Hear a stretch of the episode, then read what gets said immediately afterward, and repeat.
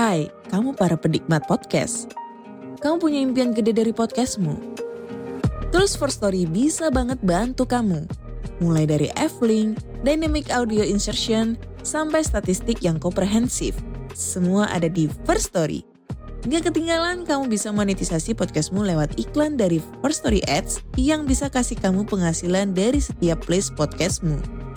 Yuk gabung sekarang dengan klik di firststory.me. Sekali lagi, klik di firststory.me. Mari kita bawa mimpi podcastingmu menjadi kenyataan.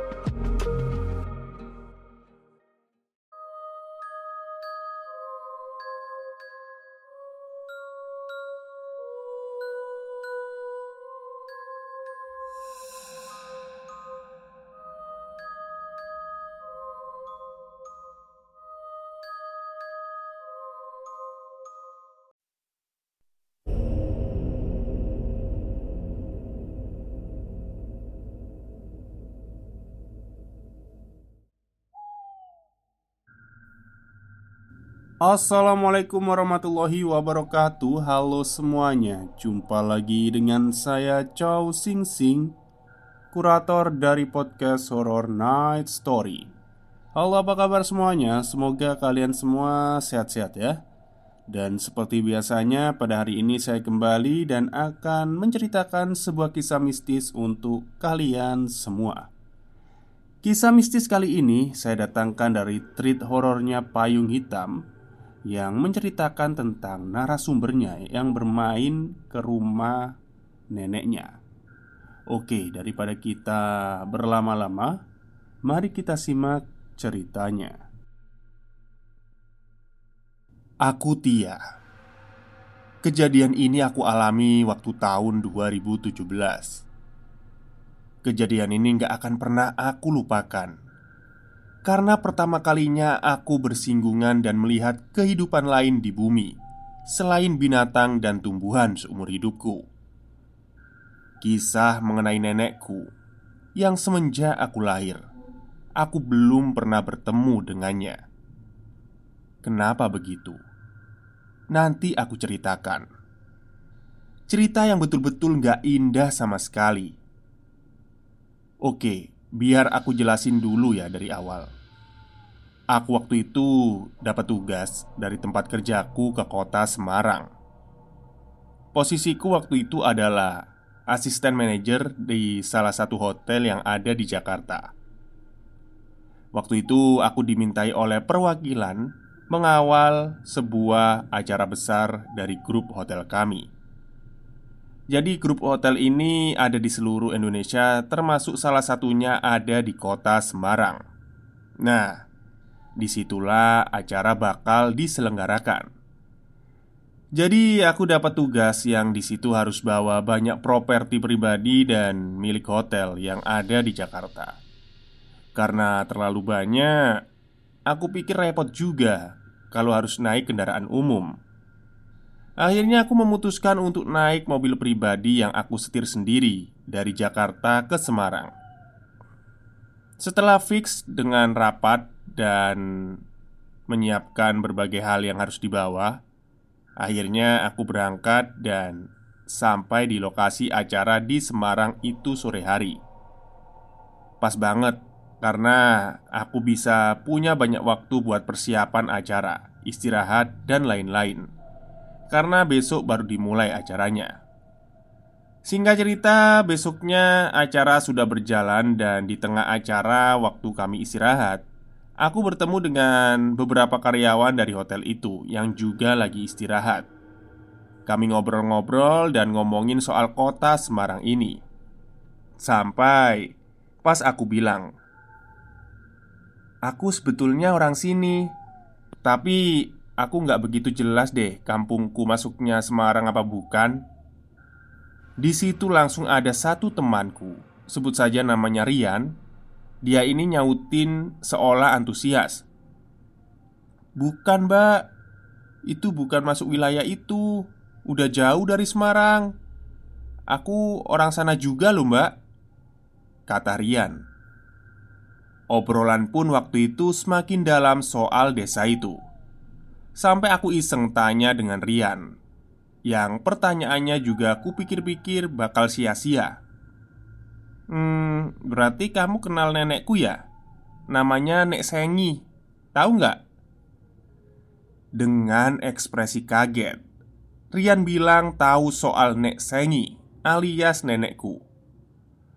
Rian bilang nenekku adalah seorang penjahit dan juga kesibukannya membantu orang yang sembuh dari penyakitnya, seperti diurut, keroan, dan melahirkan, serta lain-lain. Maka dari itu, Rian dan keluarganya di kampung kenal dengan Nek Sengi karena nenekku ini orang yang sering dimintai bantuan oleh warga kampung. Ada terbesit di pikiranku waktu itu, kita ngomongin Nek Sengi. Aku mau bertemu. Aku belum pernah melihat batang hidungnya semenjak aku lahir. Aku cuma tahu Nek Sengi dari cerita bapak dan ibuku. Eh Yan, gimana kalau nanti selesai acara ini kita ke sana? Hitung-hitung, kamu mau pulang kampung atau liburan kan? Mumpung aku bawa mobil nih Ajak aku ke Rian Waduh mbak Aku nggak bisa kalau besok Aku shift malam. Maaf loh mbak Kata Rian. Ya sudahlah Aku pun nggak memaksa. Aku langsung ambil keputusan buat fix ke sana sendirian Karena waktu liburku setelah acara itu cuma dua hari. Aku harus memanfaatkan momen ini dengan baik. Pokoknya mbak Kalau udah di sana Kamu tanya Eyang Sengi rumahnya di mana ya? Karena di sana nenekmu itu dipanggil Eyang Sengi Ya kira-kira perjalanan 4 jam lah ke sana. Tapi hati-hati loh mbak Kata Rian. Setelah acara hari itu juga aku berangkat sendirian Menuju desa tempat tinggal nenekku Yang ternyata cuma memakan waktu 2 jam lebih perjalanan dari kota Semarang. Tanpa aku tahu lokasi pastinya Alias, aku cuma mengandalkan bertanya dengan warga sekitar saja.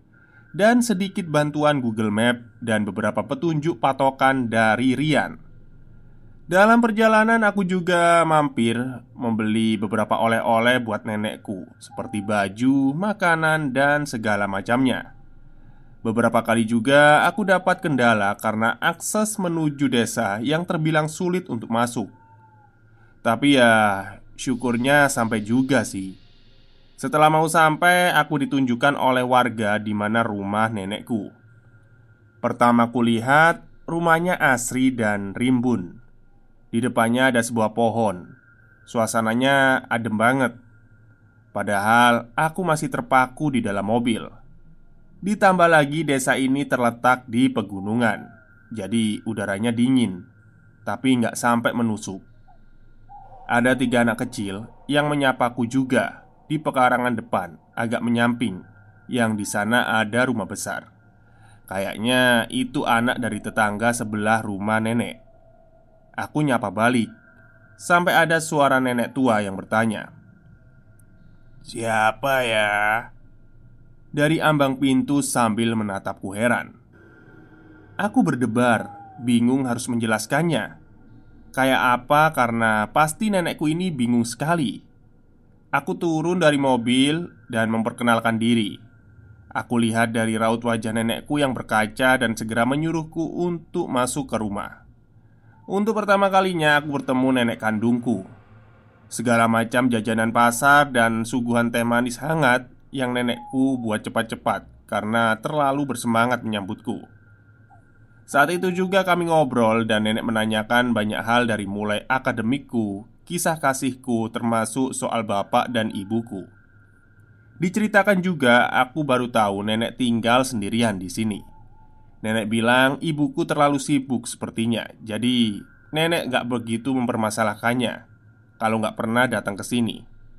Nenek pikir ibumu yang datang, tapi ya gak mungkin. Masa iya masih muda banget gini? Kamu mirip banget sama ibumu loh Cantik. Jelas nenekku yang membuat aku tersipu. Setelah ngobrol, nenekku menyuruhku untuk istirahat saja Dan nenek pamit pergi belanja untuk masak nanti malam. Akhirnya aku merebahkan badan juga. Tapi ada satu hal yang membuat aku bingung Rumah ini terasa pengap dan hangat padahal di luar udaranya dingin. Aku buka akhirnya jendela kamar yang kutempati ini. Ternyata di sana berhadapan dengan tembok besar rumah sebelah. Jaraknya dekat tapi tetap bisa buka jendela. Pikirku ini bakal sama saja. Gak bakal bisa masuk angin. Maksudnya angin masuk ya Karena gak tahan dengan gerahnya kamar ini Aku keluar kamar Niatnya cari angin. Sekalian lihat-lihat rumah nenek. Aku lihat di rumah ini ada foto dan satu foto yang membuat aku bingung. Foto nenekku dengan pakaian pengantin Tapi duduk sendirian tanpa ada pengantin prianya. Bahkan di situ Aku nggak melihat ada foto kakekku Ya, walaupun aku nggak tahu wujud kakekku, tapi aku bisa menerka-nerka dari pose fotonya. Ya, begitulah intinya. Malah banyak foto-foto orang yang gak aku kenal. Foto ibu dan bapakku juga gak ada di sana. Tapi tetap, foto nenek berpakaian dengan pengantinlah yang paling aneh menurutku. Setelah nenek pulang, kami masak sama-sama dan setelah itu aku mandi sambil juga menunggu nenekku untuk sholat. Aku nggak sholat karena aku non-muslim. Bukannya makin segar, aku malah makin kegerahan. Ya udahlah, aku pakai baju tank top aja Alias baju buntung tanpa lengan. Aku awalnya merasa biasa saja Lagi pula cuma ada nenekku Jadi aku nggak malu. Tapi Duk Ganti bajunya ya duk. Maaf lo ya Kurang sopan bajumu Kata nenekku. Eh Maaf nek. Aku ngerasa gerah Jadi aku pakai baju ini. Iya nek aku ganti sekarang kok. Jelas aku merasa nggak enak. Ya jelas kamu gerah. Orang di sini rame kok. Makanya ganti.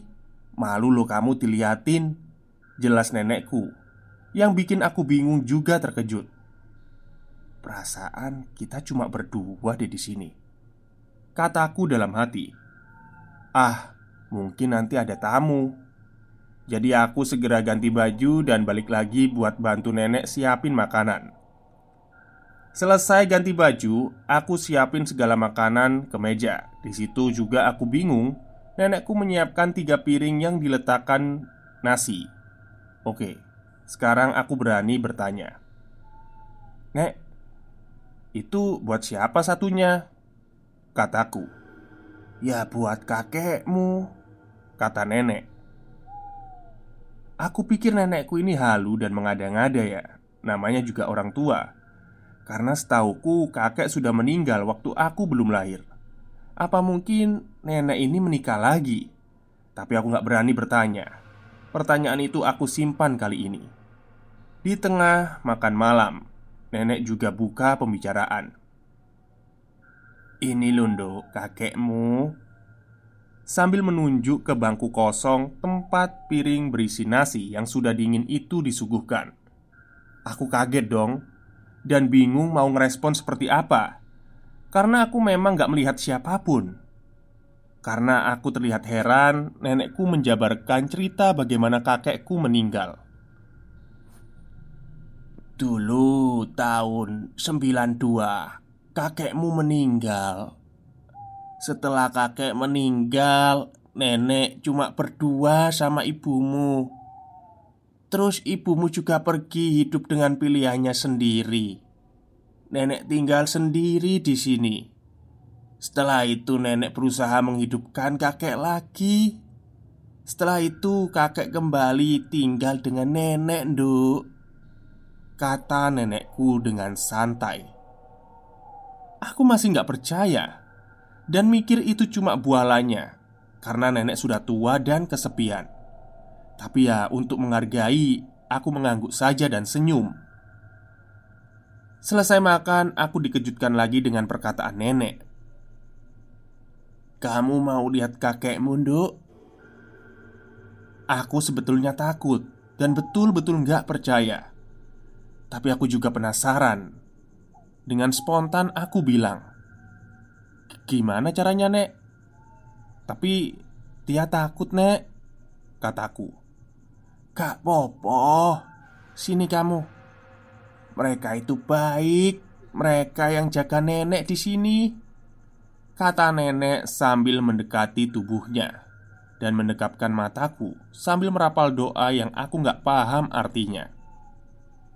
Setelah dibuka dekapannya Aku terperanjat. Betul-betul kaget karena rumah ini jadi sesak. Banyak sekali orang yang berlalu lalang Melakukan aktivitasnya. Juga nenekku memanggilku untuk melihat kakek Yang duduk di sebelahnya Sekali lagi aku kaget. Kakek yang kulihat ini nggak tua Tapi nggak muda juga. Sekitar 40 tahunan umurnya. Aku pikir dia sudah setua nenekku. Dan ada perasaan yang beda waktu aku melihat kakek. Orang ini nggak asing. Betul. Aku yakin orang ini pernah masuk ke dalam mimpiku. Bukan fisiknya yang kulihat Aku pun lupa bagaimana mimpi itu terjadi. Tapi soal perasaan dari kehadirannya yang membuat aku hafal. Awalnya di mimpi itu aku pikir itu bapakku, tapi nggak mungkin lah, karena secara fisik beda. Kakekku memandangiku seolah bahagia, tersenyum tapi diam. Aku juga bahagia sudah bisa melihat kakekku walaupun aku nggak tahu itu betul-betul jiwanya atau bukan. Selain itu juga Mataku menyisir ke penjuru rumah. Melihat keadaan sekitar sambil terperangah Kalau banyak sekali jiwa-jiwa mereka Yang hidup berdampingan dengan kita. Pantas saja aku merasa gerah dari tadi. Aku melihat mereka semua juga tanpa rasa takut. Aku cuma bingung. Ya, mereka lah yang nemenin nenek selama nenek sendirian di sini. Mereka nggak jahat. Mereka semua baik gak ganggu. Ya kayak manusia aja nduk. Ada yang baik ada yang jahat. Begitu juga dengan mereka. Jelas nenekku yang setidaknya membuat aku sedikit tenang. Sudah, sudah. Daripada kita sumpek di sini Habis ini kita ke pasar malam ya. Ajak nenekku Rasanya aku senang sekali ditreat atau dianggap seperti anak kecil di hadapannya. Tapi tujuannya di sini bukan hanya untuk jalan, tapi nenek mau memberitahu hal yang lain juga. Di desa kami suka ada pasar malam atau pasar kaget yang jualannya hanya satu minggu. Nanti di minggu berikutnya, pasar ini akan pindah ke tempat lain. Ya, semacam bazar bahasa kerennya. Dari rumah nenekku ke pasar ini dekat sekali. Jadi kita jalan kaki ke sana dan sampai sekitar jam 8 malam. Sampai di sana, kita melihat-lihat berbagai hal yang dijual. Nenekku mau duduk dan sekedar mengajakku memperhatikan keramaian. Ada permainan anak-anak, orang jualan, ada juga pembeli. Ramai sekali pokoknya. Di sini kalau kamu benar-benar perhatikan Gak semuanya dari mereka itu manusia kayak kita. Coba Kamu amati nih ibu-ibu yang sama anak kecilnya di tukang gulali. Jelas nenekku sambil menunjuk ke satu arah gerobak. Aku ngelihat Ada ibu yang menggandeng anaknya sekitar usia lima tahun asyik memilih gulali yang dijajakan oleh pedagangnya. Normal, seperti manusia pada umumnya yang kulihat. Sini, ikut nenek, ajak nenekku. Berjalan mendekati ibu dengan anaknya yang tadi sudah meninggalkan gerobak dan jalan ke arah yang random, alias ke tempat sepi, tanpa ada jalanan menuju ke tempat sepi itu. Aku heran dan ngeri melihat pemandangan aneh di depanku. Karena ibu dan anak itu seolah berjalan melayang Dan perlahan hilang dari hadapanku. Mereka itu benar-benar ada londo Dan mereka ada di mana-mana. Sekarang saat kita di tengah keramaian orang-orang yang gak kita kenal, kita nggak bisa memastikan mereka semua benar-benar manusia atau bukan. Tapi itu sebenarnya nggak berbahaya. Nggak ada yang perlu ditakutkan. Semua jin atau makhluk halus akan menghormati manusia jika mereka yang mendekat. Dan sebaliknya, jika kita yang mendekati mereka, ya kita harus menghargai mereka Karena mereka memang benar-benar ada, Nduk Jelas nenekku Sesampainya di rumah Sebelum tidur, wajahku dan mataku diusap kembali oleh nenek Sambil merapalkan mantra Maksudnya untuk menutup kembali mata batinku yang tadi terbuka Tapi sepengetahuanku Kalau udah dibuka walaupun ditutup lagi aku jadi makin peka dengan dunia goib. Aku sudah merasa banyak gak nyaman di tempat ini semenjak nenek nunjukin segalanya. Bukan takut juga, tapi ini bukan hal yang tak wajar. Ya, aku takut bilang ke nenek karena takut nenekku tersinggung. Rasanya aku mau cepat-cepat pulang ke Jakarta. Tapi memang besok adalah saatnya aku pulang. Malam itu aku balik ke rumah dan aku minta tidur dengan nenekku saja karena perasaanku makin ngeri. Pengap di rumah dan aku berharap matahari cepat terbit supaya aku bisa pulang. Pagi harinya, loh loh loh, kamu mau ke mana Tondo? Kok buru-buru? Suara nenek mengagetkanku. Di situ aku nggak terlalu banyak siap-siap karena aku betul-betul mau segera pulang. Aku ada kerjaan mendadak, Nek. Aku takut telat. Memang hari ini jadwalku balik ke Jakarta juga. Jelas aku yang akhirnya dipahami oleh nenek. Setelah itu, aku pamit dan memboyong barang bawaanku ke mobil.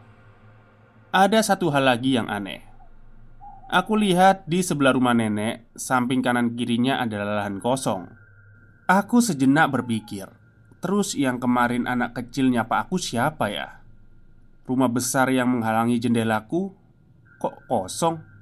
Ah, aku berkecamuk sampai aku nggak mau memikirkannya lagi Cepet-cepet aku meninggalkan tempat ini dan naik ke mobilku Singkat cerita, sampailah aku di Jakarta Aku cerita dengan bapak dan ibu. Ibu kelihatan kaget banget dan heran Tapi nggak marah juga.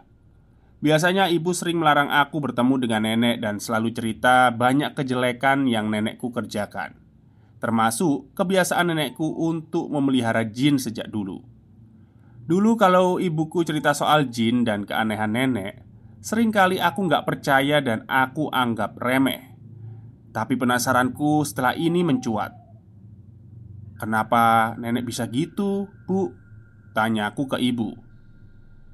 Nenekmu itu gila pengakuan dan pujian. Dia ngurut, nyembuhin orang, bantuin melahirkan Nyembuhin penyakit sekampung. Ya kekuatannya dia dapat dari jin. Ibu aja anak satu-satunya malu Tia. Dari dulu dia itu seperti itu Jelas ibu. Aku kaget Dan masih nggak percaya. Karena aku lihat dari sisi nenek kemarin dia itu ramah banget orangnya. Nenekmu itu juga kalau nyembuhin orang itu nggak disembuhin Tapi Cuma dipindahin aja penyakitnya ke orang yang gak bersalah. Jelas ibu. Aku seolah makin gak percaya. Tapi gimana pun ibuku lebih tahu karena dia bertahun-tahun hidup bersamanya Mengenai kakekku juga Menurut pengakuan nenekku dialah yang membangunkannya.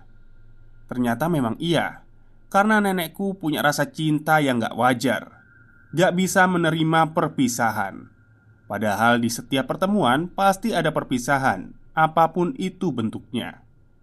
Tapi nenekku nggak siap. Ibuku bilang segala macam cara dilakukan nenek untuk menghidupkan kembali kakek. Ya semacam ritual-ritual Tapi sia-sia semuanya Akhirnya dengan penuh kesadaran Nenekku menikahi jin Yang hanya menyerupai kakek Jadi yang aku lihat kemarin nyatanya bukan kakekku Nenekku seolah membohongi dirinya dan menanamkan sugesti di pikirannya bahwa itu adalah kakek. Jadi, Foto-foto pernikahannya yang ia pajang bukanlah foto pernikahannya dengan kakek, melainkan dengan jin itu. Aku ngeri di sini. Bisa-bisanya si Tia nggak nyesel.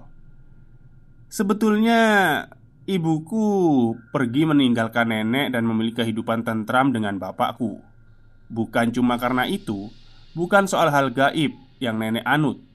Bahkan itu bukan suatu alasan yang kuat. Tapi ada hal lain yang nggak bisa aku ceritakan di sini. Aku juga cerita ke ibu soal mimpiku yang selalu didatangi oleh laki-laki seumuran bapak yang aku lihat juga ada di rumah nenek. Ternyata ibuku juga menduga itu memang sengaja nenekmu buat dan kirim jin itu ke mimpimu supaya kamu terpanggil untuk menemui dia. Jelas ibuku yang kali ini membuatku merinding hebat Yang membuat aku merinding karena ada rasa yang gak bisa aku jelaskan dengan kata-kata Perasaan waktu aku bertemu dengan sosok kakek di mimpi yang ada di rumah nenek Perasaan itu lebih ke arah negatif Ya, kalau aku jabarkan dengan warna itu seperti hitam dan abu-abu Dua tahun berlalu Ibuku cerita tiba-tiba ke aku soal apa yang terjadi padanya semalam. Ibuku merasa semalam dibangunkan oleh nenek. Dia betul-betul merasakan ada sentuhan kencang di pundaknya sambil bilang, "Duk, bangun, Duk, bangun." Antara sadar dan gak sadar, ibuku bangun, tapi rasanya kayak mimpi, alias bangun di alam mimpi. Waktu itu jam menunjukkan pukul 4 subuh. Duk, Ibu pamit yo Cuma begitu bilang nenekku dalam mimpi ibuku Setelah itu ibuku betul-betul bangun dan kaget Ini dunia nyata, bukanlah mimpi. Tapi ibuku nggak begitu menghiraukan tentang mimpinya. Karena ibuku sering berpikiran logis. Setelah dua hari berselang, aku dapat DM Instagram dari Rian Temanku yang bekerja di Semarang waktu itu. Jadi Rian ini menyampaikan pesan duka kalau nenekku sudah meninggal dua hari yang lalu Ya Rian tahu kabarnya karena kampungnya juga sama dengan nenekku Seperti yang sudah aku ceritakan sebelumnya ya Rian baru mengabariku karena dia susah mencari kontakku Akhirnya dia menemukanku di akun Instagram Aku cepat-cepat kabarkan ini ke ibu Tapi ibu justru menyuruhku untuk datang ke makamnya. Maksudnya, aku aja yang datang ke makamnya. Ibuku enggan ke sana karena memang ibuku memisahkan diri semenjak gadis. Aku juga sebetulnya enggan pergi ke sana, apalagi sendirian, karena pengalaman yang aku dapatkan betul-betul nggak enak. Akhirnya, kami sekeluarga nggak ada yang pergi ke sana. Soal pemakamannya pun, menurut penuturan Rian, sudah dibantu warga. Ya, karena kalian tahulah Nenekku sangat dikenal dan dipuji karena rela membantu tanpa pamrih. Jadi warga desa di sana antusias lah mengurus penguburan jenazah nenekku. Ada hal yang sampai sekarang aku nggak habis pikir soal rumah yang menghalangi jendela rumah nenekku. Rumah segede itu, seluas itu, lenyap cuma hanya satu malam, termasuk anak-anak kecilnya yang waktu itu menyapaku. Ya, nggak tahu ya apa itu rumah jin atau gimana. Tapi ya syukurlah nggak ada sesuatu yang terjadi sampai aku tiba di Jakarta. Semuanya normal-normal saja. Oke, uh, cerita itu cerita ini tuh menarik ya buat aku karena bagian yang di sini kalau kamu benar-benar perhatikan nggak semuanya dari mereka manusia seperti kita.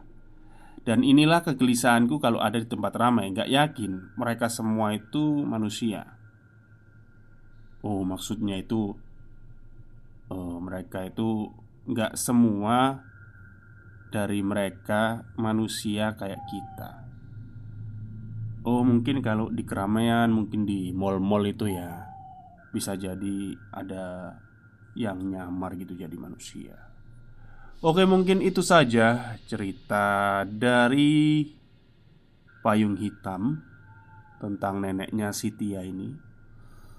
Jadi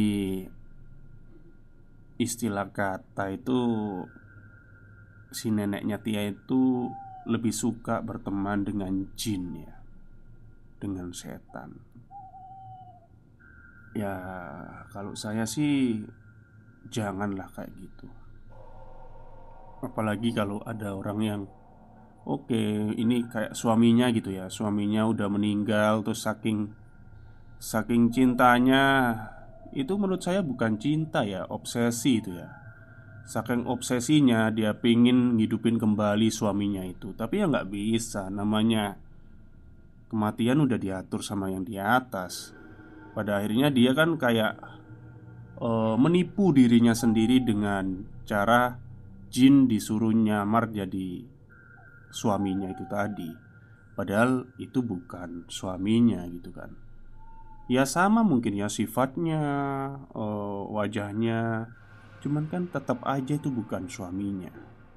Baik mungkin itu saja cerita dari saya hari ini. Semoga kalian semua suka. Wassalamualaikum warahmatullahi wabarakatuh